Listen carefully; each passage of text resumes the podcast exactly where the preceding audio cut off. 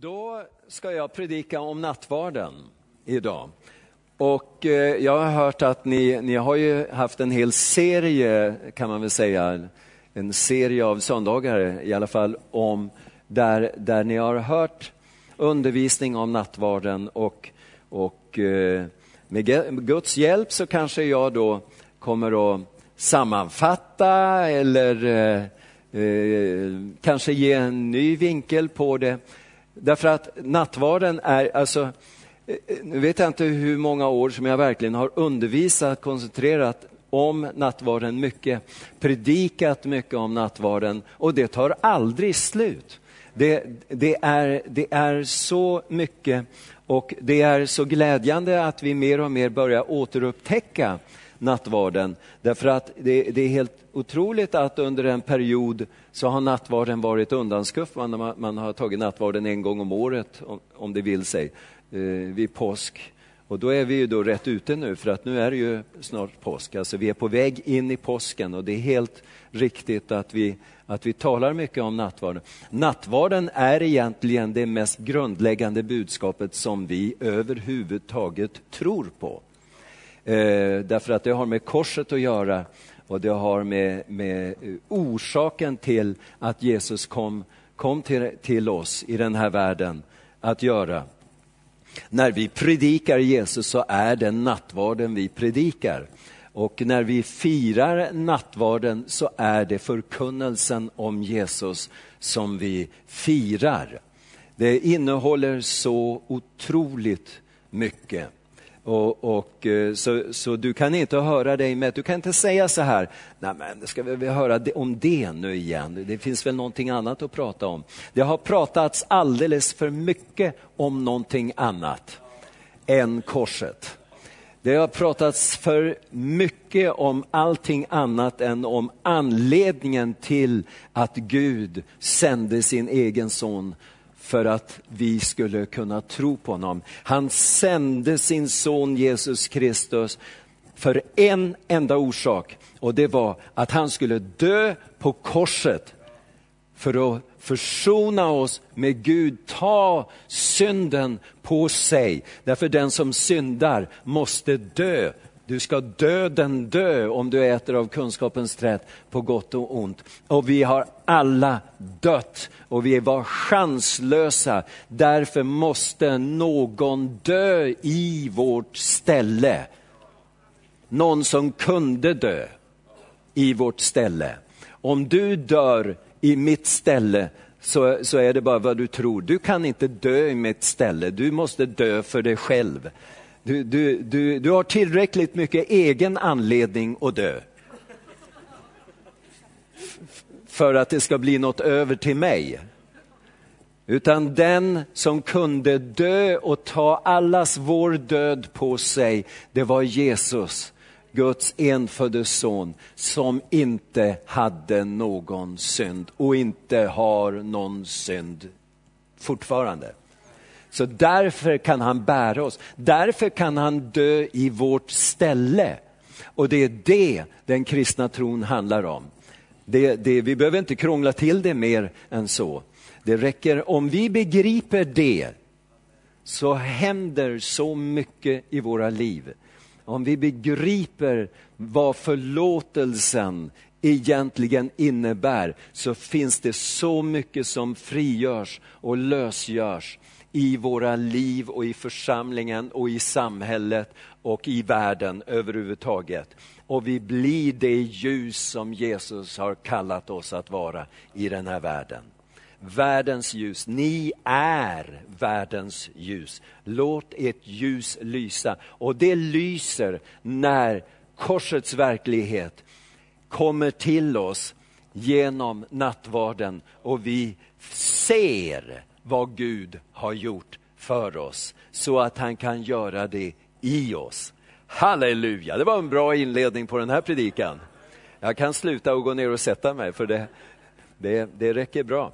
Men eh, låt mig bara ge lite, lite grundläggande, alltså vad är det här för någonting? Det här det är en måltid som dukas framför oss. Och, och jag, min, min eh, favoritbild är ju när man har korset bakom altaret så att, så att vi förstår att altaret är vad korset har producerat och som erbjuds åt världen. Erbjuds åt dig och mig.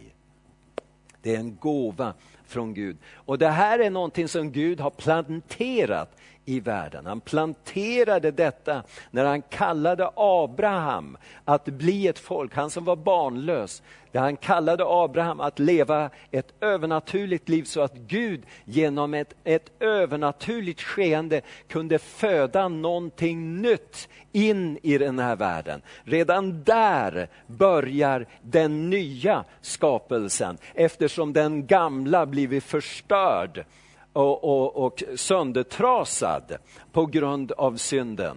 Och, och, och, och, Gud ville frälsa. Han hade kunnat döma världen på en gång och sen göra något nytt. Men då hade han ju inte frälst världen, då hade han bara ersatt den och, och tagit koll på den. Utan han sår sin frälsning in i den värld som har gått sönder och som blivit förbannad och förstörd på grund av synden. Så sår han in i den världen och i, av den världen, ur vär, den världen föder han fram en ny skapelse, en ny människa. Och det sker när den gamla världen får dö så att vi kan uppstå tillsammans med den som dog för oss och leva ett nytt liv, ett uppståndelseliv.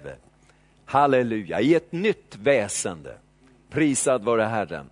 Och, och, så att, så att eh, Gud kallade Abraham att bli det här folket och Gud kallade det här folket ut ur Egypten för att planteras i ett land i den här världen. Inte bli en saga, inte bli en myt, utan bli ett verkligt nytt folk som planteras i ett land som kallas land.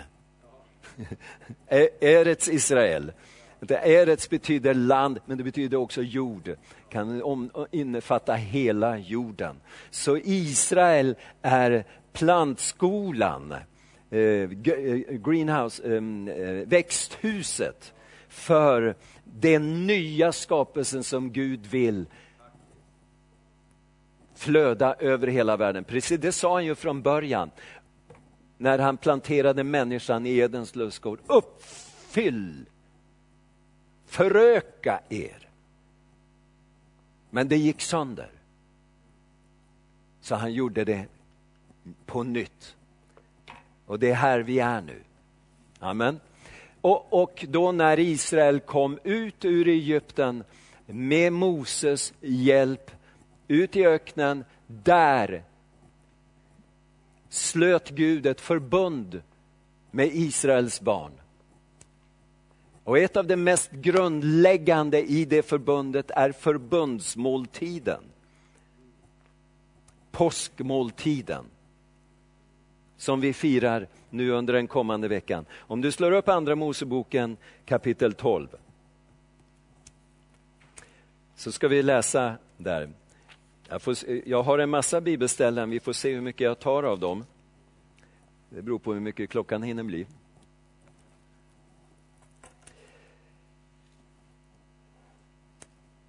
Andra Moseboken kapitel 12, vers 5. Om jag, om jag får läsa en hel massa. Därför att det här är ju det grundläggande. Det här är, ett, det här är vad Gud, nu sår Gud in påskalammet i historien. Här sår 1500, 1400 före Kristus, sår Gud in budskapet om ett förbund. Budskapet om ett lamm, budskapet om blod som befriar ifrån Egypten. Budskapet om det osyrade brödet. Budskapet om att vara pilgrimer i en ond och mörk värld. På väg någonstans rotlösa i Egypten, på väg till ett nytt land. En ny skapelse. Så jag läser från vers 5 i Andra Moseboken 12. Ett felfritt årsgammalt lamm av hankön ska ni välja ut och ta antingen från fåren eller getterna. Ni ska förvara det till den fjortonde dagen i denna månad och det är den månad som, som vi är inne i nu. Då ska hela Israels församlade menighet slakta det i, gryn, i skymningen. Och man ska ta av blodet, säg blodet, och stryka det på dörrposterna och på det övre dörrträd i huset där, där, eh, där man äter det. Köttet, säg köttet, ska ätas samma natt. Köttet ska alltså ätas samma natt. Köttet av offret ska ätas samma natt. Eh, tappade jag bort mig var jag var. Där. Det ska vara stekt över eld och ätas tillsammans med osyrat bröd och bittra örter. Ni ska inte äta något av det rått eller kokt i vatten, utan det ska vara stekt över eld med huvud, fötter och innanmäte, därför att det, måste, det är bråttom. Det är reskost det är reskost för ett folk som ska ryckas ut ur, ur sina, sitt, sitt gamla liv, ut ur sin gamla kultur, ut ur sin, sina, eh, eh, sina eh, släktled. Precis som Abraham rycktes ut ur Ur i Kaldén för att gå och finna någonting som inte fanns. Det är påsk, påskmåltiden. Ni ska inte äta rått eller kokt i vatten utan det ska vara stekt över eld. Vers 10. Ni ska inte lämna något kvar av köttet till morgonen. Om något av det skulle bli över till morgonen ska ni bränna upp det i eld. På detta sätt ska det ätas. Ni ska ha kläderna uppfästa med bältet kring höfterna. Det betyder alltså att ni ska ha reskläder på er. Det går inte att, springa omkring i fracken eller liksom kostymen eller något sånt där, utan nu är det reskläder som gäller. Eh, enkelt och ledigt och lätt att gå. Det är, vad, det är vad det betyder. Och ni ska ha skor på fötterna och en stav i handen för ni ska gå långt. Och ni ska äta det snabbt. Detta är Herrens påsk som betyder att gå förbi. Den natten ska jag gå framför gå fram genom Egyptens land och slå allt förstfött i Egypten, både människor och boskap. Och över Egyptens alla gudar ska jag hålla dom. Så den, den här måltiden innebär också en dom över eh, Egyptens eh, alla gudar.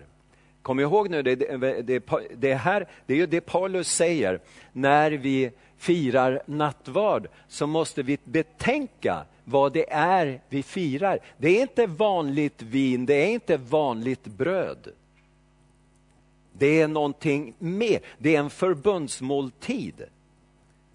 Och den innebär välsignelse och förbannelse. Den innebär välsignelse för den som går in i förbundet och låter Gud sluta förbundet med dig. Men den innebär förbannelse för den som inte är i förbundet. Lagens välsignelse och lagens förbannelse. Och Det är därför han säger, men ni må inte äta det här på ett ovärdigt sätt. Är det så han säger?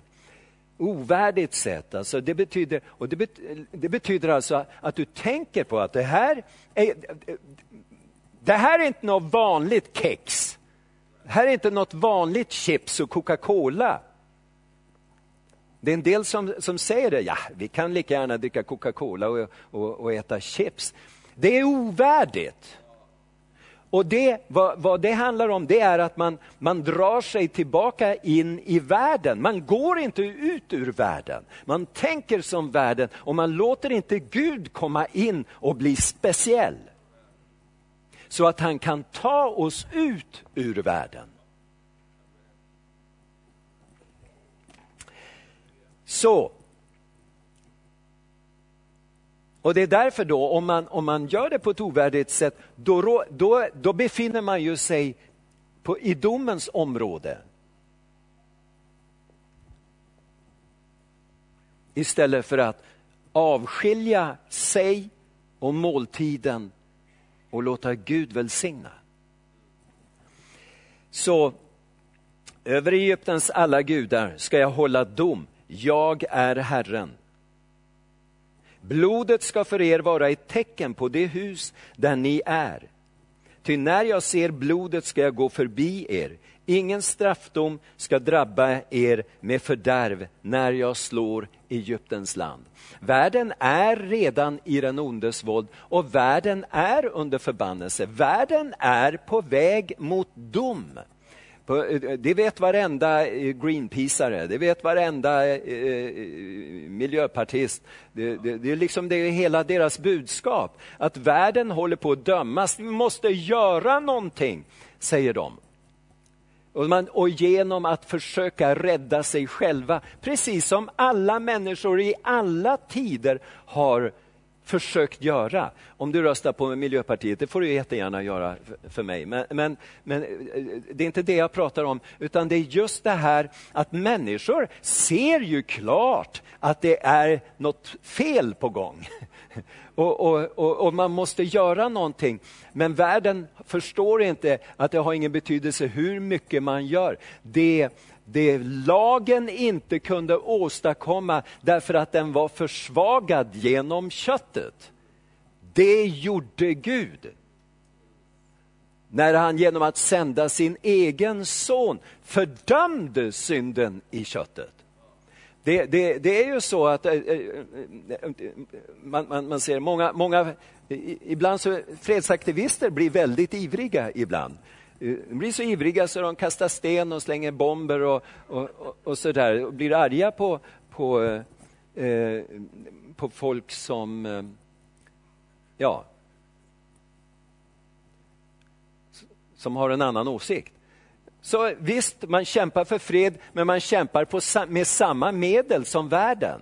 Och det är det som gör, gör saken väldigt svag, därför att man i det privata, individuella livet inte får ordning på sitt liv.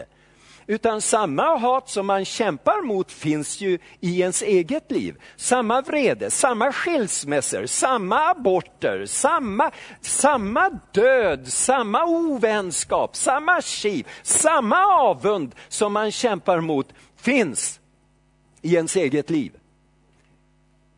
Och därför blir kampen försvagad. Gud sände sin son för att göra en skillnad. Amen. Och, och, här har du grunden till det, förbundsmåltiden, påskmåltiden.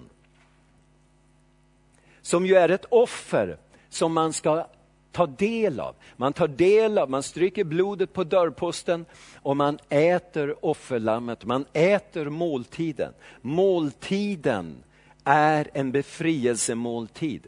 Måltiden är ett förbund med Gud. Jag är Herren, säger han. Det säger han till det folk som ska vara hans folk. Och han ska vara deras Gud. Och man går in i en gemenskap med varandra. Så där börjar det. Man kan gå vidare till kapitel 29, vers 42. Här står det om det dagliga offret. Så att det finns en fortsättning av det offret. Det grundläggande offret är påskalammet, men det dagliga offret är en påminnelse om, om, det, om påskalammet. Och då är det både morgon och kväll. Det kan vara en bra idé för dig att, att eh, offra lovets offer morgon och kväll. Morgon och aftonbön. Amen. Detta är vad du ska offra på altaret varje dag för all framtid. Två års gamla lamm. Det ena lammet ska du offra på morgonen och det andra i skymningen. Och så vidare så beskrivs det, låt oss läsa från vers 42. Från släkte till släkte ska detta vara ert dagliga brännoffer inför Herrens ansikte. Vid ingången till uppenbarelsetältet. Där ska jag uppenbara mig för er och tala med dig. Där ska jag uppenbara mig för Israels barn och den platsen ska bli helgad genom min härlighet. Jag ska helga uppenbarelsetältet och altaret och Aron och hans söner ska jag helga till präster åt mig. Jag ska bo mitt ibland Israels barn och vara deras Gud.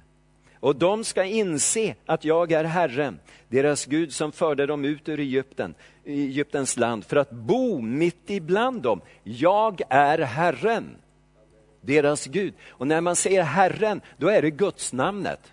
Luther sa Jehova, men det, det, egentligen heter det inte Jehova. Man tror att gudsnamnet uttalades Javé. Eh, eh, Jehova är, det är liksom en kombination av när man, när man sa ett annat ord istället för gudsnamnet för att vara säker och inte säga, missbruka Herrens namn. Så då, då, då sa man Elohim istället för eh, det och så satte man vokalerna, nu blir det krångligt här.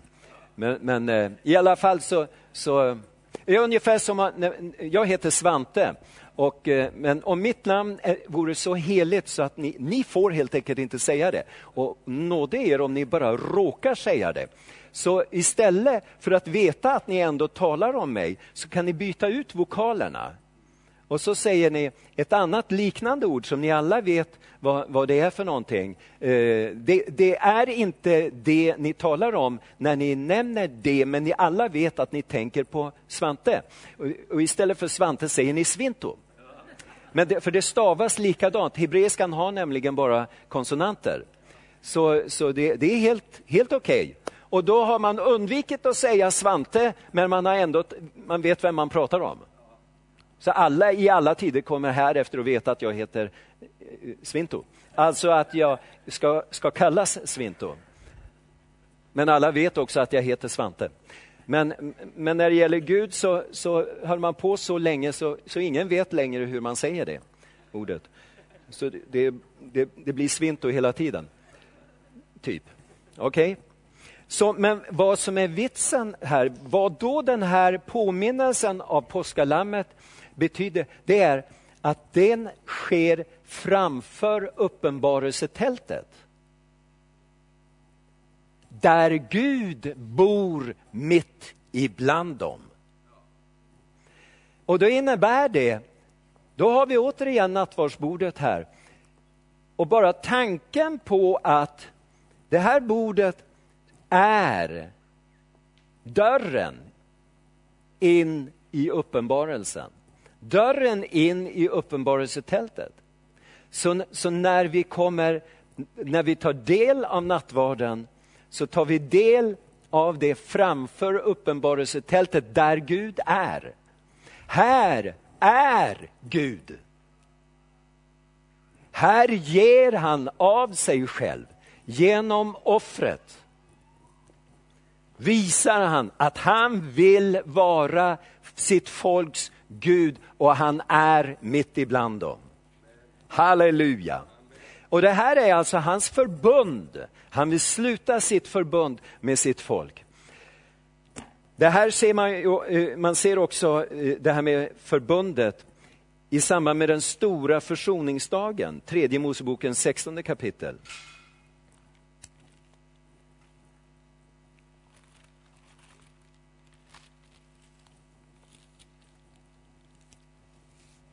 För det är ju det det handlar om alltihopa, försoningen.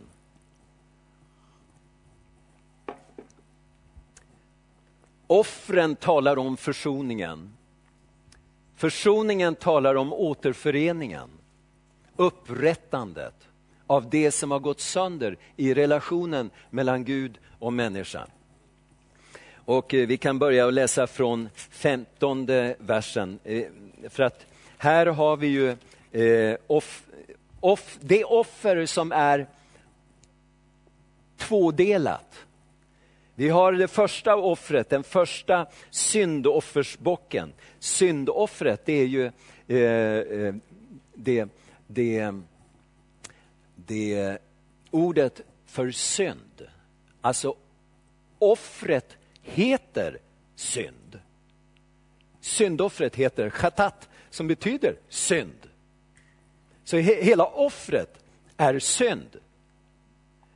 Tänk då på vad Paulus säger när han säger att han som inte visste av någon synd, honom har Gud för oss gjort till synd. Det är många som, som har väldigt svårt för det och, och, tycker att så kan man inte säga. Men det är för att man inte har läst Gamla Testamentet så att man vet att det är ett offer som heter synd. Han som inte visste av någon synd, honom har Gud gjort till syndoffer. För att vi i honom, genom honom, skulle bli försonade med Gud. Synden blir försonad. Han är offret. Woo! Så älskade Gud världen att han utgav sin egen son. Det står alltså i vers 15, sedan ska han slakta folkets syndofferbock och bära in dess blod innanför förlåten. Och han ska göra med blodet som han gjorde med tjurens blod. Han ska stänka det på nådastolen och framför nådastolen. Så ska han bringa försoning för helgedomen och rena den från Israels barns orenheter och överträdelser, ja, från alla deras synder. Så, det, så det, det här syndoffersbockens blod renade uppenbarelsetältet. Senare renade templet senare renar templet. Renar Kristi kropp, renar församlingen. Syndoffrets blodet renar församlingen.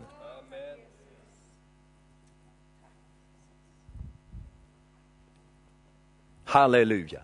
Sen har vi den andra bocken i vers 20.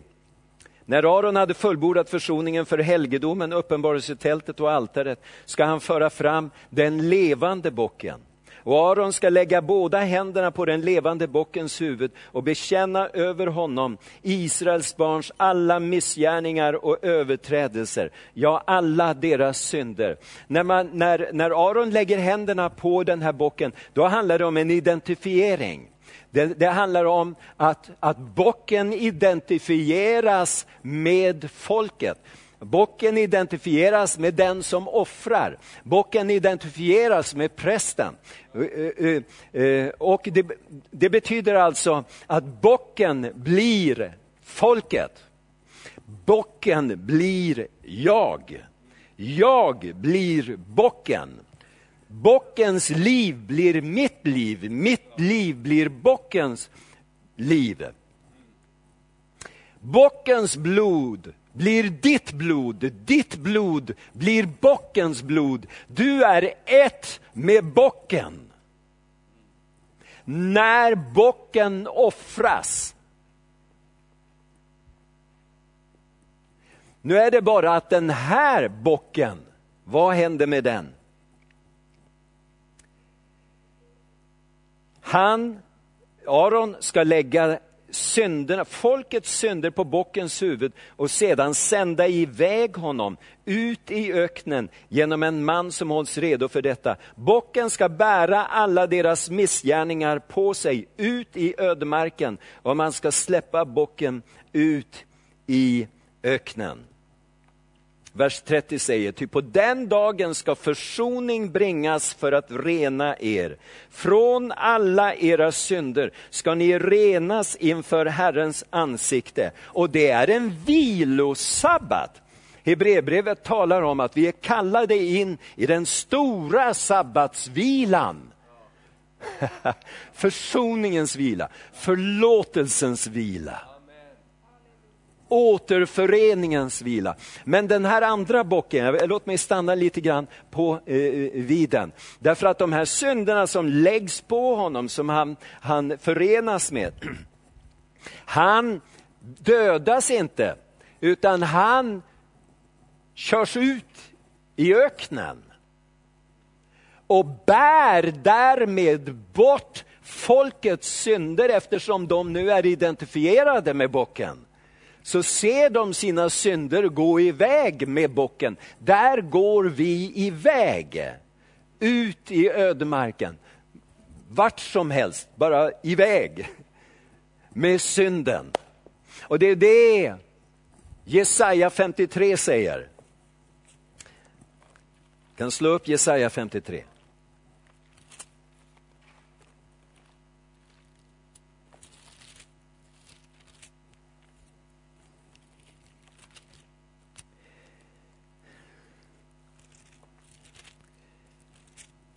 Vers 4. Det var våra sjukdomar han bar.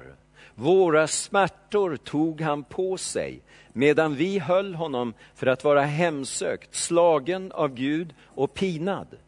Han var genomborrad för våra överträdelsers skull, slagen för våra missgärningars skull. Straffet var lagt på honom för att vi skulle få frid och genom hans sår är vi helade. Halleluja. Vi gick alla vilse som får, var och en gick sin egen väg. Men all vår skuld la Herren på honom. Halleluja. Prisad vare Herren. Prisad vare Herren. Och det är ju det som Matteus eh, 8 och 17 säger. Att de, han botade de sjuka, han drev ut de onda andarna för att det skulle fullbordas som var sagt inom profeten när han sa, han bar bort våra synder och våra sjukdomar. Petrus citerar också Jesaja. Han säger det var våra synder Jesus bar i sin kropp upp på korsets trä för att vi skulle dö bort ifrån synderna och leva för rättfärdigheten. Och genom hans sår har vi blivit botade. Genom offret, genom försoningen, genom påskalammet. Och det är därför Paulus talar om att det finns helande i nattvarden.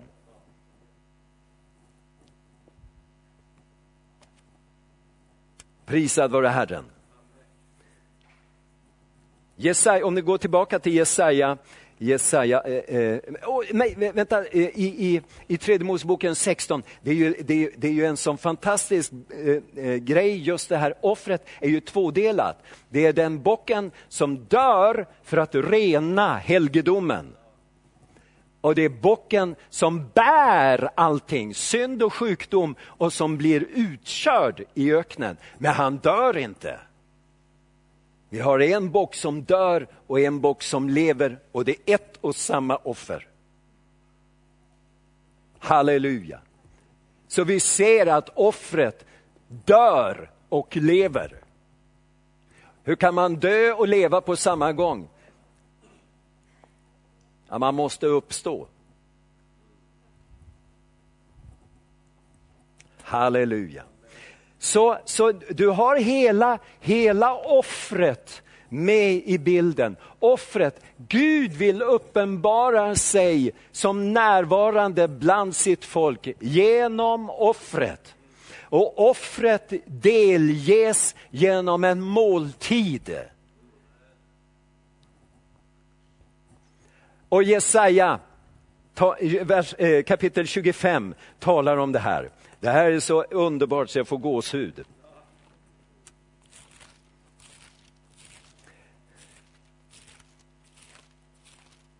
Halleluja. Vi har ännu inte kommit in i Nya Testamentet.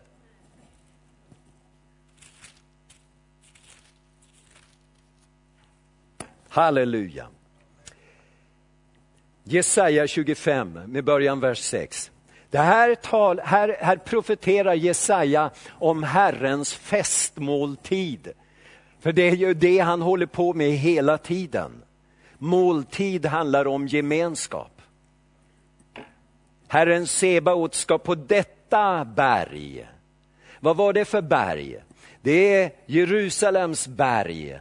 Det är Jerusalem som, som eh, harbor, som, eh, in, eh, som hosting, som är värd för templet. Är utsedd att, att eh, vara värd för templet, sköta om templet. Men templet byggdes på Moria berg där Abraham var villig att offra sin son. Och Gud försåg med ett ersättningsoffer. Och Jesus säger Abraham såg min dag och han blev väldigt glad. Han såg försoningen, han såg bocken som skulle komma. Halleluja. Så Herren Sebaot skapade detta berg, Jerusalem, är från början avsett som offerplatsen som mötesplatsen, som uppenbarelseplatsen för Herren, Herrens närvaro. Herren Sebaot ska på detta berg göra en festmåltid för alla folk, en festmåltid med utsökta rätter och gamla viner, det, det är alltså bra viner. Ja, med bästa vin, väl klarat. Han ska på detta berg göra om intet den slöja som beslöjar alla folk, som alltså förblindar alla folk.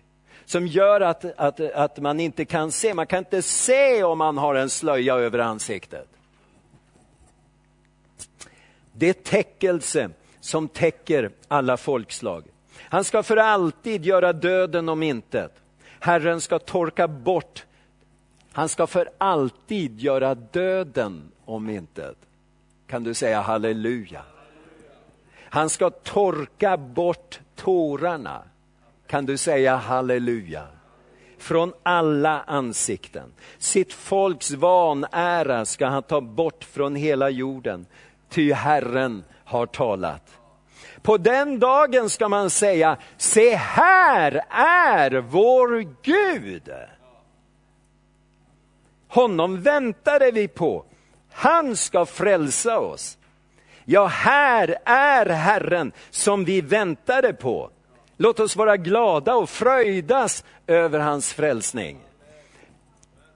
Nattvarden kallas med ett fint ord eukaristi. Det betyder den goda glädjen.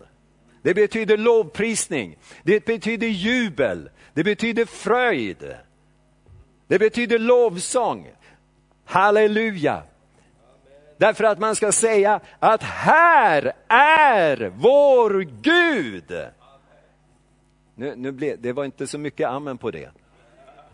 Därför att nu, det här är ju avgudadyrkan. Nej! Det är ju gåvan, det är måltiden, det är offret, det är lammet, det är Gud som blir kött och tar sin boning mitt ibland oss. Och vi delar hans kropp, vi delar hans blod. Vi delar hans blod därför att han har identifierat sig med oss. Hans blod är vårt blod, ditt blod är hans blod. Det hans kött är ditt kött. Han blir rätt med dig. Därför säger han, du måste äta mitt kött. Du måste dricka mitt blod, annars har du ingen del i mig. Den som tar del i offret, redan påskalammet, äter hans kött. Usch, det låter äckligt. Ja, men han har ordnat det där. Vi kommer till det. Han säger det här brödet är mitt kött. Tag och ät.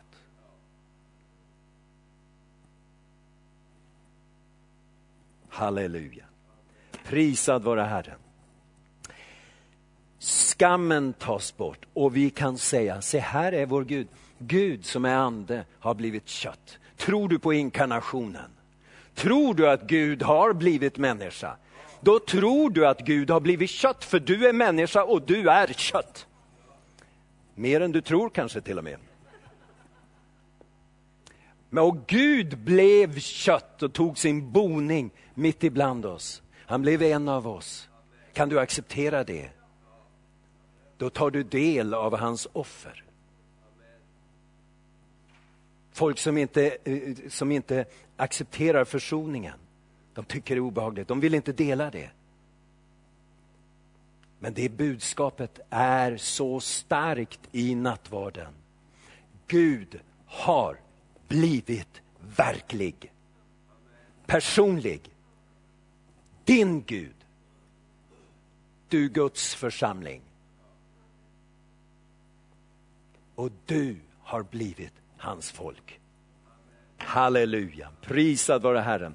Om vi ser då, då det här, den här festen utvecklas ju till en bröllopsfest. För när Jesus talar om det här i Matteus, Matteus 22 till exempel, då liknar han himmelriket vid en bröllopsfest. Matteus 22, Jesus talade än en gång till dem i liknelser. Himmelriket är likt en kung som höll bröllop för sin son och så, så talas det om hur, hur gästerna ska bjudas in och så vidare. Du kan gå vidare till, eh, till eh, kapitel 25. Här instiftar, eh, nej, eh, det är liknelsen om, om jungfrurna. Där är det också en bröll, ett bröllop. Så himmel, Jesus ser himmelriket som en bröllopsfest. Om vi går till Markus 14 och 22. Hänger du med nu? Nu går du undan. Markus 14 och 22. Här instiftar Jesus nattvarden. Medan de, tog, medan de åt tog Jesus ett bröd, tackade Gud, bröt det och gav åt dem och sa, tag, detta är min kropp.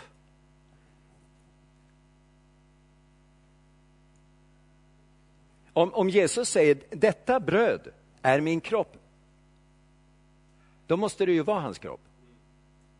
Om han nu säger det och vi tror på honom. Ja, men var det verkligen hans kropp? Men han, han satt ju där i sin kropp och ändå säger han att detta bröd är min kropp. Varför? Därför att det är offret. Det han, han kopplar hela offret från Gamla testamentet som vi har läst och gått igenom. Säger han, det, det är min kropp som ska offras. Och när ni nu offrar detta i fortsättningen, gör det till min åminnelse. Och han tog en bägare, vers 23, tackade Gud och gav åt dem och de drack alla ur den. Och han sa till dem, detta är mitt blod. Förbundsblodet som är utgjutet för många. Amen säger jag er, jag ska inte dricka av det som vinstocken ger förrän den dag då jag dricker det på nytt i Guds rike. Så, så, så han, han låter den här nattvarden, den här påskmåltiden från begynnelsen, som har en historisk bakgrund, som har undervisat folket om vad försoningen innebär, vad påsken innebär. Nu pekar han framåt, in i himmelriket. Så när du delar nattvarden, när du tar del av vinet och brödet, av Kristi kropp och blod, så tar du del av en fest som är ingången till himmelriket. Du är fortfarande i dörren till uppenbarelsetältet. Du är fortfarande i dörren in i Guds närvaro. In i härligheten. Redan här Se här är Gud som vi väntat på. Ja, men Gud är ju i himmelen. Ja, men han är också nära dem som har ett ödmjukt och förkrossat hjärta.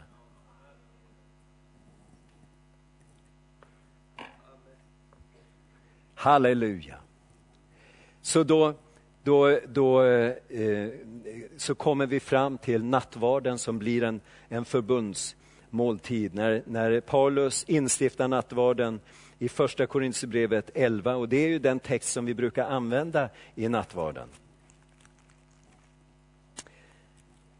Första Korinthierbrevet 11, 23. Jag har själv tagit emot från Herren vad jag meddelade er. Den natt då Herren Jesus blev förrådd tog han ett bröd, tackade Gud, bröt det och sa, detta är min kropp som är utgiven för er, gör detta till minne av mig. Och då är det, det handlar inte bara om att du ska minnas, utan min, alltså ordet för, för minne, det handlar om åminnelse. Det är ett sånt där gammalt ord som ingen använder nu för tiden, men åminnelse betyder mer än bara påminnelse. Jag har massor av påminnelser i min iPhone, men ingen åminnelse. Du känner ju att det är något annat va? Men det, man, man kan, det, det, är ingen synonym, alltså det går inte att använda det jag måste titta på mina åminnelser. Det säger man ju inte. Därför att åminnelse betyder mer än en påminnelse. Därför att en åminnelse, det är det som gör vad Gud har gjort e, för, för in vad Gud har gjort i evigheten, det finns ju redan där, men för oss. Det är en helig handling som när Jesus dog för 2000 år sedan, hur ska det kunna koppla med mig här och nu? Dopet är en sån eh, helig handling. Därför att vad Jesus, det, när, det, eh, Paulus eh, eh, säger i Romarbrevet 6 att genom dopet blir vi förenade med Jesus i hans död. Så, så tid, 2000 år försvinner och vi går in i ett, evigt, ehm, en evig situation där Jesu död gäller mig här och nu.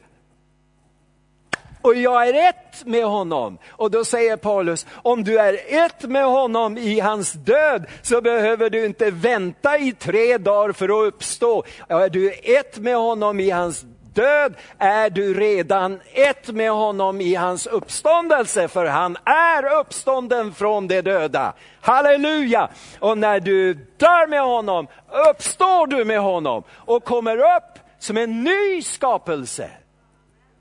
Det gamla är förgånget, allt har blivit nytt.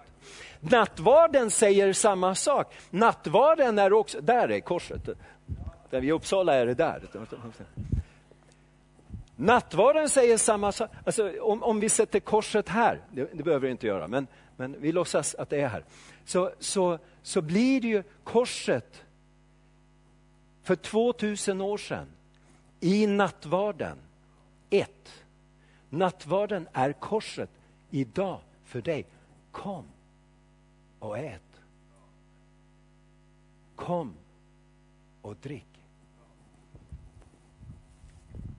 Och därför är det när vi läser de här instiftelseorden så är det den punkt när vi bestämmer oss. Det är precis som när, när vi tar emot helande. Va? Hoppas jag. Så, så alltså, vi, vi, vi, vi kommer överens i tro. Jesus säger dessa tecken ska åtfölja dem som tror. I mitt namn ska de lägga händerna på de sjuka och de ska då bli friska. När börjar jag tro? När ska jag börja det? Man kan göra det när man ber, men det är lite diffust. Så, så, eh, Okej, okay, jag går på möte och så får bröderna lägga händerna på mig. Det blir lite mer påtagligt. Men det är just då handpåläggningen, det är där. Och Roberts talade om point of contact. Alltså det är den punkt när din och min tro kommer tillsammans. Nu kommer vi överens. Nu tar vi emot mitt helande. Nu tar vi emot ditt helande. Och då är du helad genom Jesus sår.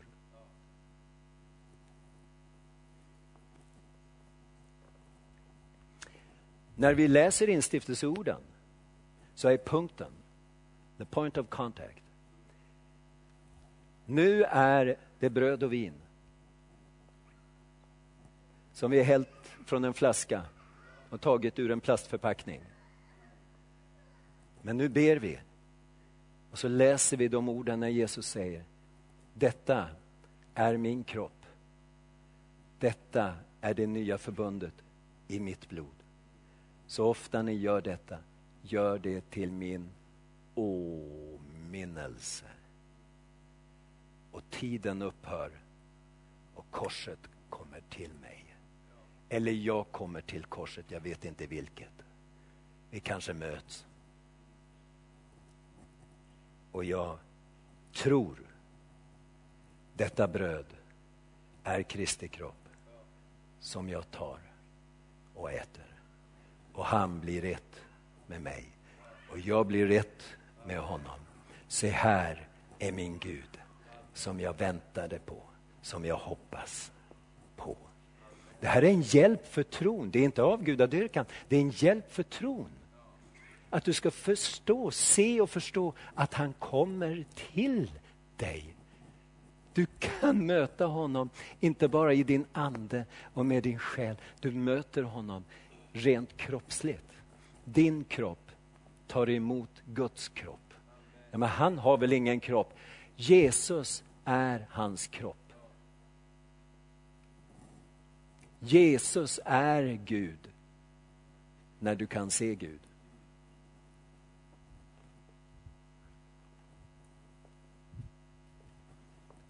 Gud är Fader, Son och helig Ande. Jesus säger, när den helige Ande kommer över er, då ska Fadern och jag komma till er.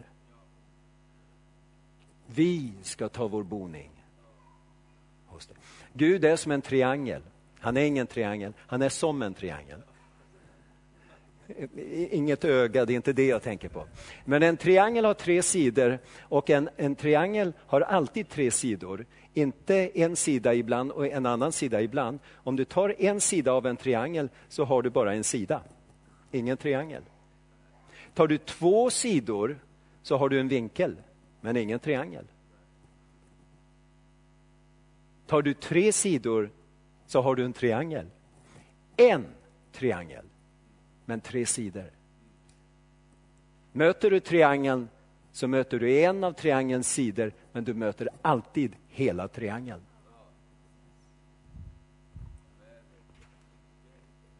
Visst är det? Halleluja. Prisad vare Herren. Så när du tar emot honom, när du tar emot den helige Ande, tar du emot Gud. När du tar emot brödet och vinet, tar du emot Gud. Så älskade Gud världen. Att han gjorde detta för dig personligen. Så därför får du det själv och ta det i din mun som ett barn som fattar att det är verkligt. Halleluja. Prisad vare Herren. Så, vi går, vi... Eh, Jesus pekar ju på att det här handlar om ett bröllop. Det handlar om en, en bröllopsfest. Eller hur? Och det är ju det vi läser i Uppenbarelseboken 19. Nu, nu vill jag, jag vill snabbt bara peka på Uppenbarelseboken i detta sammanhang. Du, du är ju väl känd med kapitel 19 i Uppenbarelseboken.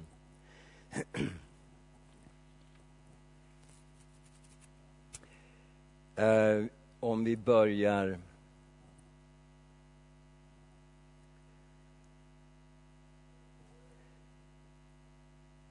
Vers 6 kan vi börja med. Uppenbarelseboken 19 och 6. Och jag hörde liksom rösten från en stor skara lik bruset av stora vatten och dånet av en krass, kraftig åska. Och de sa halleluja, Herren vår Gud, den allsmäktige har blivit konung. Låt oss vara glada och jubla och ge honom äran, ty Lammets bröllop har kommit, hans brud har gjort sig redo åt henne har givits att klä sig i skinande rent linnetyg. Och sen kommer fortsättningen i kapitel eh, eh 21 med den nya skapelsen. Jag tror att den nya skapelsen, det är bröllopet. Det är den totala föreningen mellan Gud och människa. När hans försoning fullbordats, inte bara lika som, inte bara liksom i, i, eh, i, i liten skala, utan när hela världen har blivit ny och människan bor i den nya skapelsen och Gud kommer själv ner och bor ibland oss. Det behövs inget tempel för hela världen är hans tempel. Ingen synd, Synden är det ju som har orsakat att templet behövdes för en plats som skulle helgas och renas från synd så att det kunde bli en plats för Gud. Men när det inte finns någon synd i hela världen, halleluja, då kan Gud bo där igen. Ja, men jag trodde vi skulle vara i himlen. Det kommer att vara rena himmelriket. Halleluja. Prisad vare Herren. Det kommer att lysa. Det kommer att lysa, Herrens härlighet. Det kommer inte att behöva, solen syns inte. Du vet hur det är när man tänder ett ljus i solljus. Så man måste ju känna efter om det äh, rinner. Men man ser det inte. Så beskrivs det. Halleluja. Och sen de eh, detaljerna får vi undersöka sen. Prisad vare Herren. Okej, okay, men låt oss börja med att titta på Uppenbarelseboken därför att uppenbarelse, det, det, du vet ju att jag, hur jag, många av er har hört mig undervisa om Uppenbarelseboken och sådär. Det här betyder inte liksom att, att jag liksom bara byter ut allting. Det, det är bara en ny aspekt. Det är en ny sida av boken. När, när allt det andra blir för krångligt så kan du ta det här. Halleluja. Första, första kapitlet handlar om Jesus, som Jesus är i himmelen. Det är ju en underbar beskrivning av honom. Och Det är därför att Uppenbarelseboken handlar om honom. Vers 13. Mitt ibland ljusstakarna såg jag en som liknade Människosonen, klädd i en fotsid klädnad och omgjordad med ett bälte av guld om bröstet.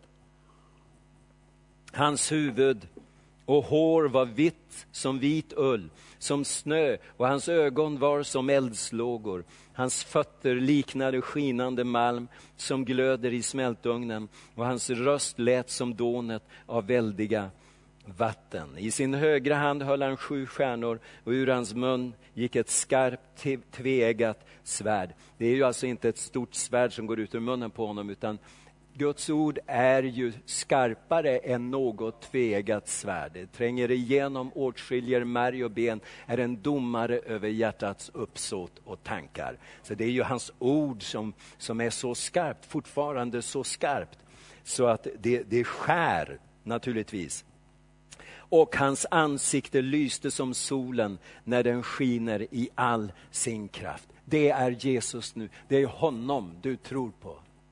Sån är han nu. Halleluja.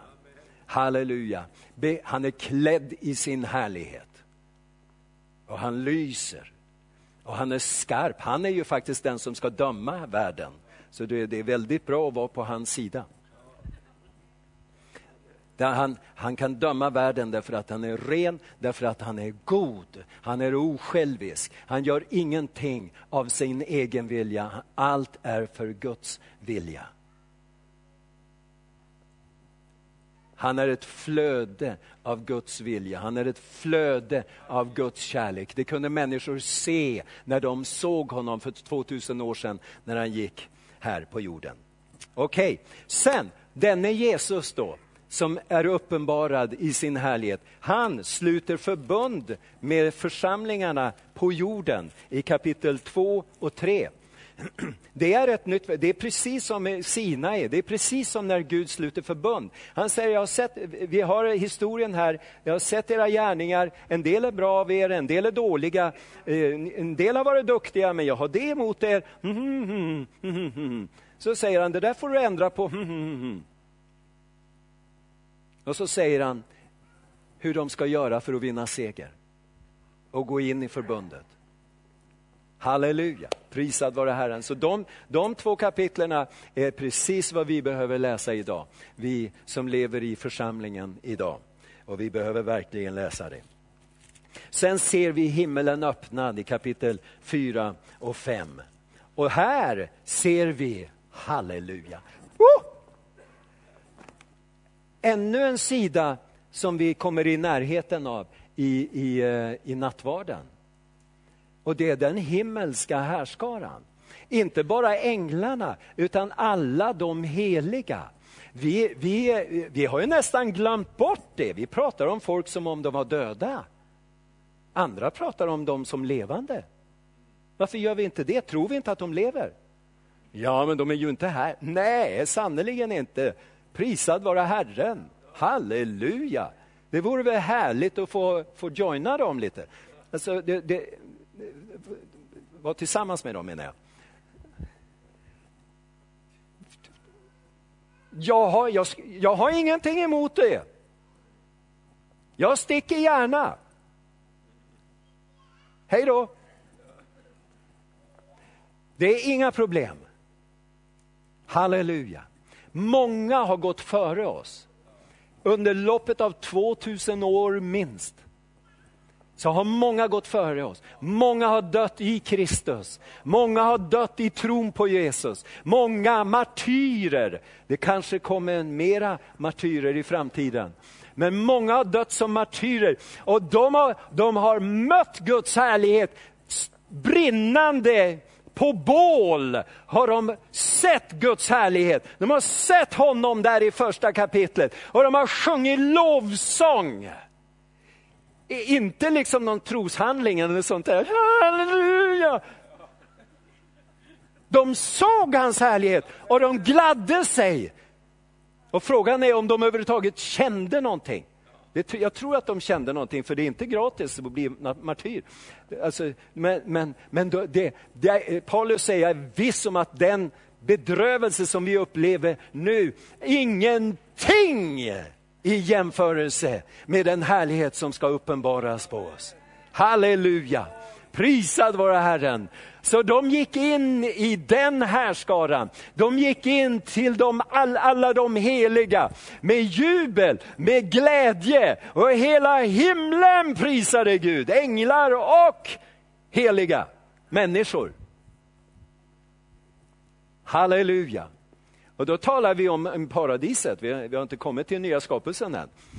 Därför att eh, kropparna kommer ju. Men, men eh, vi har blivit frälsta i vår ande. Vi jobbar på vår frälsning i vårt sinne. Och kroppen kommer efter, alltid. Det är därför Paulus säger, jag tjänar Herren med mitt sinne, men i min kropp finns en annan lag. En, en tröghetens lag syndens och tröghetens lag. Stod inte riktigt så, men det är det. Halleluja. Så, så, så efter då förbundet så öppnar sig hela himmelen och vi får en massa sånger här. Halleluja! Prisad vara Herren. Det är änglar som sjunger helig, helig, helig är Herren Gud, den allsmäktige, han som var och som är och som kommer. Det är nästan en ordagrann översättning av Guds namnet Javé. Ni vet JHVE. Han som var och som är och som kommer. Halleluja. Prisad vare Herren. Och så faller de ner och sen, och sen i, i kapitel 5 så ser vi de heliga. Är det inte de heliga? Är det de 24 äldste? De sjöng en sång. Du är värdig att ta bokrullen, vers 9. Och bryta dess sigill, ty du har blivit slaktad. Och med ditt blod har du åt Gud köpt människor av alla stammar och, och språk och folkslag. Och du har gjort dem till ett kungadöme. Och, så, och det här sjunger de. De sjunger om lammet som har blivit slaktat. Ska skynda på lite. Så det här är här är de, det är de i himmelen som har segrat, som har vunnit seger, som, som lever i Guds härlighet. Och sen i kapitel 6 och 7, halva kapitel 7, då är vi nere på jorden, där är det jobbigt. Det brukar kallas den stridande, den kämpande församlingen. Medan den församling som är i himlen är den, den segrande församlingen. De har vunnit seger. Vi håller fortfarande på och strider, eller hur? kämpar trons goda kamp. Eller hur? Kampen att hålla fast vid Jesus, kampen att vandra i ande istället för att ta köttets enkla vägar. Kampen att hålla fast i helgelsen, att lyda den helige andes maning när han varnar oss långt innan vi tror att det är någon fara på färde kampen att hålla disciplinerat böneliv så att vi ser till att vi ber varje dag, att vi går i kyrkan varje söndag, att vi har ordning på våra liv. Det är den kamp som vi måste kämpa. Och sen, sen det andra kommer. Det behöver du inte ropa så mycket för. Om du söker Guds rike, först av allt så kommer det andra att tillfalla dig. Vi använder all vår tid att be efter de saker som vi skulle få gratis om vi, om vi hade ett större perspektiv, om vi sökte Gud istället för att bara söka vårt eget. Och sen när vi har fått vårt eget så är vi så trötta på att be så vi inte ber något. Det är då vi skulle börja. Mår ni bra? Går det bra? För mig? Halleluja. Och sen, så då har vi den kämpande församlingen. Så fortsättningen på, i kapitel 7, vers 9, så se, då, då har vi eh, eh kapit, resten av kapitel 7 ända till kapitel 8. Då har vi den segrande församlingen. Och det är så underbara sånger de sjunger. Därefter såg jag, vers 9, och se en stor skara som ingen kunde räkna av alla folkslag och stammar och länder och språk. De stod inför tronen, inför lammet, klädda i vita kläder och med palmblad i händerna. Och de ropade med hög röst, frälsningen tillhör vår Gud, honom som sitter på tronen och lammet. Och änglarna stod runt omkring tronen och kring de äldste och de fyrande väsendena och de föll ner på sina ansikten inför tronen och tillbad Gud. Och så, och så bara sjöng de. Vilka är det? Det är de som har, vers eh, 14, det är de som kommer ur den stora nöden och som har tvättat sina kläder och gjort dem vita i Lammets blod. Därför står de nu inför Guds tron och tjänar honom dag och natt. Halleluja, halleluja, halleluja, halleluja, halleluja. Vem har sagt att dö är en sorglig sak? Inte för den som dör. Det är sorgligt för oss för vi, det är band som slits och, och går sönder och vi saknar varann. Och, och sådär. Det, det är sorgligt. Men boy, vi ska glädja oss med dem. Med dem. Sörj och gråt, gör det. det gråt ordentligt, gråt i ett år. Det är helt okej. Okay. Men, men, men gläd dig med den som har gått över.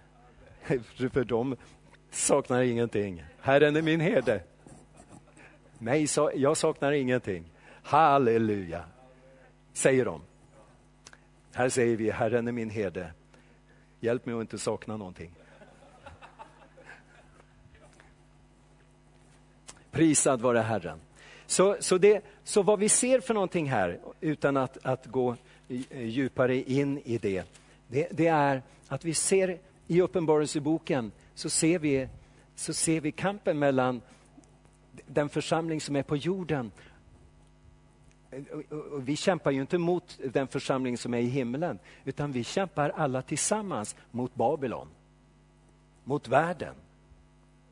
Jag tror att de ber för oss. Det är alla möjliga som ber. Du, behöver inte fundera mer på det. Jesus ber för oss, helige ande ber för oss. Någonting måste de väl göra där? De sover ju inte hela dagarna. Det är ju dag hela tiden. Så, så så eh, vi är ju ett med dem. Församlingen är ett. Och vi kämpar. Men här har vi, vi kampen. Och det är det Uppenbarelseboken beskriver här. Och så, så kommer, men, och i slutet på boken så är det då, nu är det dags för Lammets, lammets bröllopsmåltid. Halleluja. Det är en bröllopsmåltid, men du har en försmak här.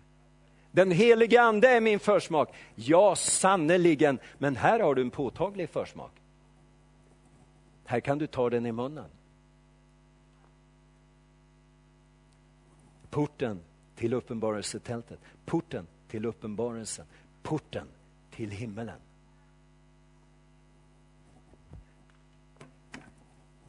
Och vi står ju på den här sidan av bordet. Och jag brukar tänka mig, de andra står på andra sidan. Ja, men vi ska inte ha någon kontakt med honom. Nej då, det, vi är ju här och jag ser dem inte. Men jag tänker, halleluja, det är inte bara vi. Även om, om vi är en liten jord, men det har behagat Herren att ge oss riket. Halleluja, prisad vare Herren. Så vi kan i alla fall slå upp slå upp eh, Uppenbarelseboken 21. Och jag såg en ny himmel och en ny jord. Till den första himlen och den första jorden hade försvunnit och havet fanns inte mer. Och jag såg den heliga staden, det nya Jerusalem komma ner från himmelen, från Gud, redo som en brud som är smyckad för sin brudgum. Och jag hörde en stark röst från tronen säga, tänk om vi tänker det, Staden kommer ner. Här. Vid altaret. Gemenskapen med alla de heliga. Vi har gemenskap med varann, vi hälsar varann med frid. Men vi är inte ensamma. Och jag hörde en röst, en stark röst från tronen säga, se nu står Guds tabernakel bland människorna. Tabernaklet är ju uppenbarelsetältet. Och han ska bo hos dem och de ska vara hans folk och Gud själv ska vara hos dem. Och han ska torka alla tårar från deras ögon. Kommer du ihåg Jesaja 25? Döden ska inte finnas mer. Kommer du ihåg Jesaja 25? Det är det han tänker på. Ingen gråt, ingen plåga, ty det som förr var är borta. Han talar om en ny skapelse. Han som satt på tronen sa, se jag gör allting nytt. Och han sa, skriv. Ty dessa ord är trovärdiga och sanna. Han sa också till mig, det har skett. Jag är A och O, begynnelsen och änden. Åt den som törstar ska jag ge att dricka, fritt och förintet ur källan med livets vatten. Kom och drick. Den som segrar ska få detta i arv. Och jag ska vara hans Gud och han ska vara min son. Halleluja. Prisad vare Herren. Visst är det underbart? Kapitel 22, vers 12. Se, jag kommer snart och har min lön med mig för att ge var och en efter hans gärningar. Jag är A och O, den första och den siste, begynnelsen och änden. Saliga är de som tvättar sina kläder. De ska få rätt att, till livets träd och komma in i staden genom dess portar. Vet du om det, när vi läser om, om Jesu korsfästelse i Johannes evangeliets 19 kapitel, så ser vi att det står tre kors och Jesus i mitten.